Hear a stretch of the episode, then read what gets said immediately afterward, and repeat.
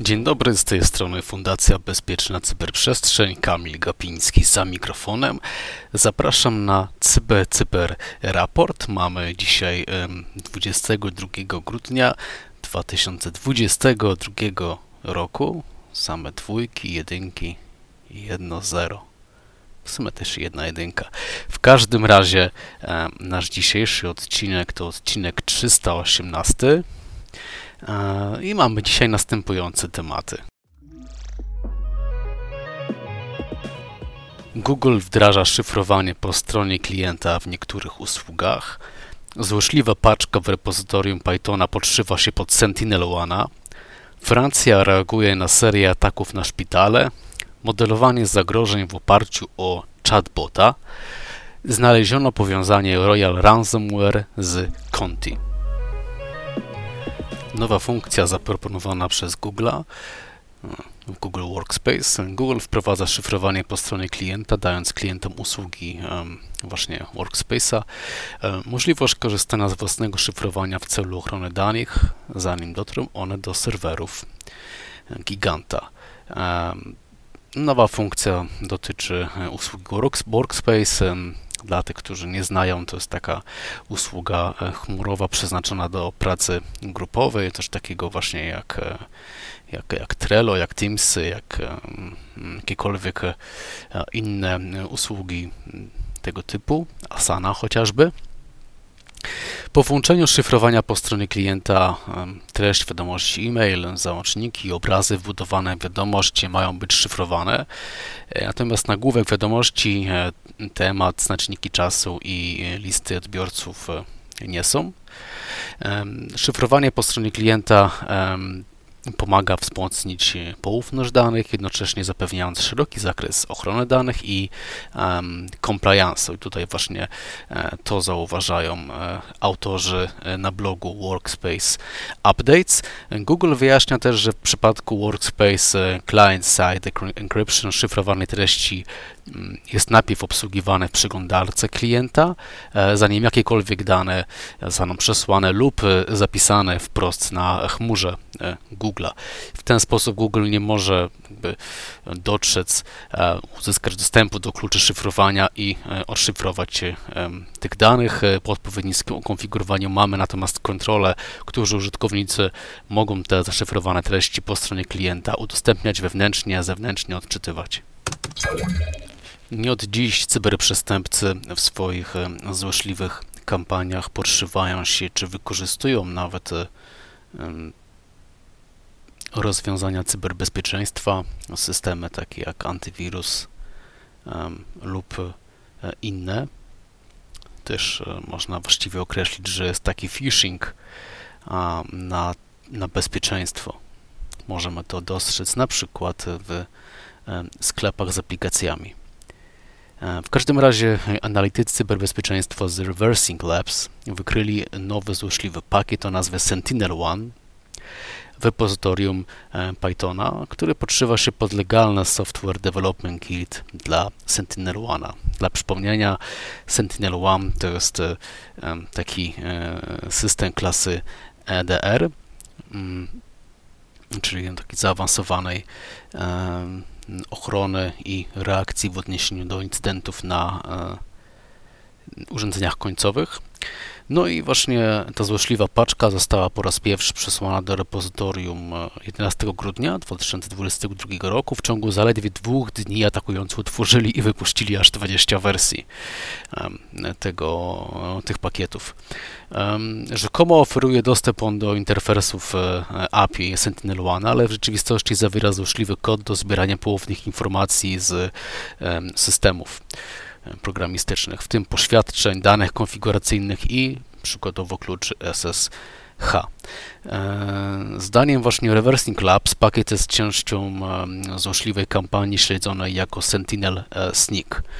Mm, Prawdopodobnie jest też kopią rzeczywistego klienta Pythona Sentinel-1 Software Development Kit, a cyberprzestępca dodał właśnie tylko szkodliwą funkcjonalność do tego kodu. Teraz news z poziomu trochę wyższego, bardziej ogólnego, dotyczącego polityk cyberbezpieczeństwa i e, działalności rządów w tym obszarze. Otóż francuski rząd ogłosił właśnie szeroki program szkoleniowy, aby pomóc personelowi szpitali chronić się przed hakerami, przed zagrożeniami. No i powstało to w odpowiedzi na serię cyberataków na placówki medyczne we Francji.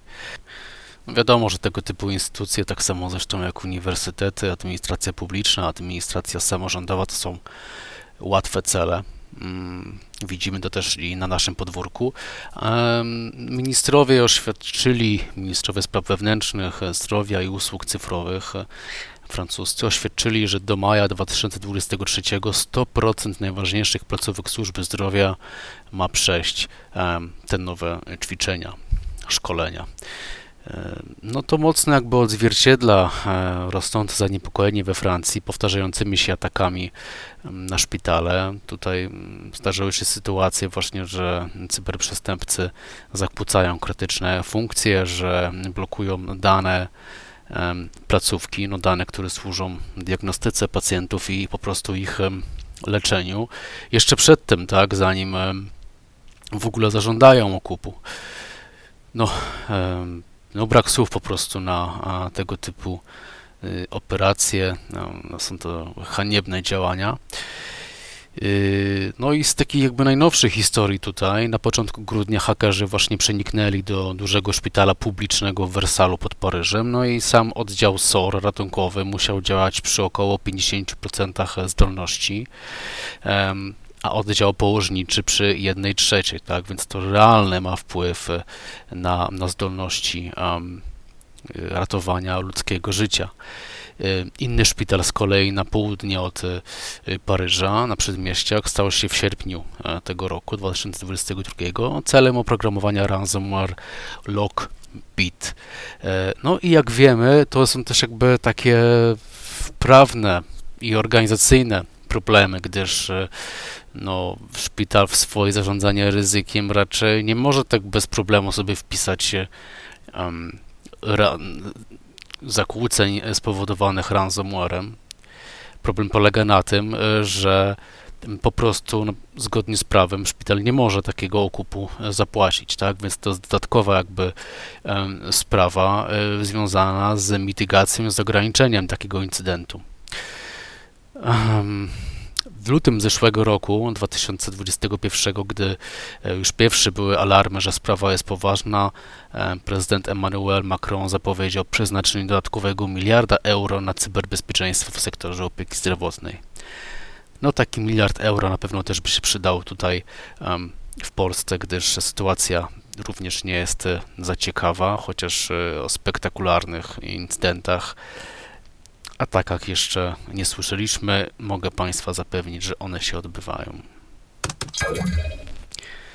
Tradycyjnie modelowanie e, zagrożeń opiera się na e, identyfikacji kontekstu organizacji, infrastruktury, procesów biznesowych, procesów informatycznych, no generalnie zrozumienia, jak e, dana organizacja działa i na jakich systemach e, informatycznych, na jakich e, danych pracuje, no najważniejsze jest to zrozumienie, tak?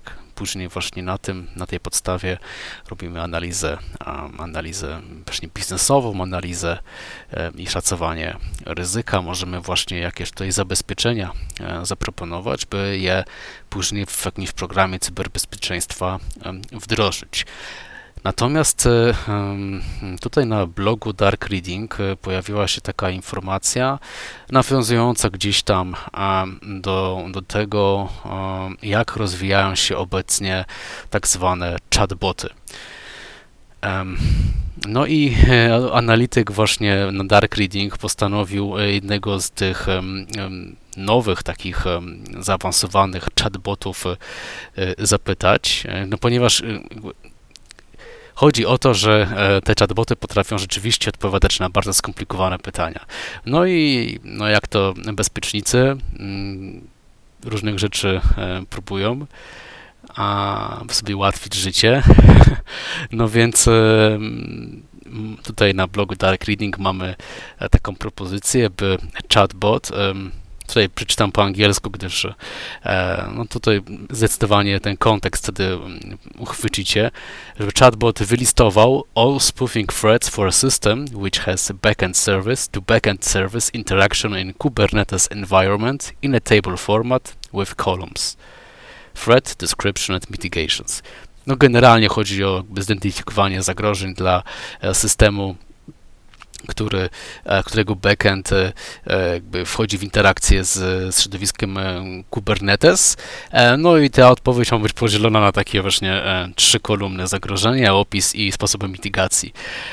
No i właśnie z tego bloga na Dark Reading możemy przeczytać, możemy się dowiedzieć, że ten chatbot sobie całkiem nieźle poradził e, z tym zapytaniem, gdyż e, wypuścił no, odpowiedź zawierającą kilka właśnie takich e, zagrożeń, dość, no może nie szczegółowo, ale tak na, na tyle szczegółowo, że można sobie już jakby iść dalej w tę analizę.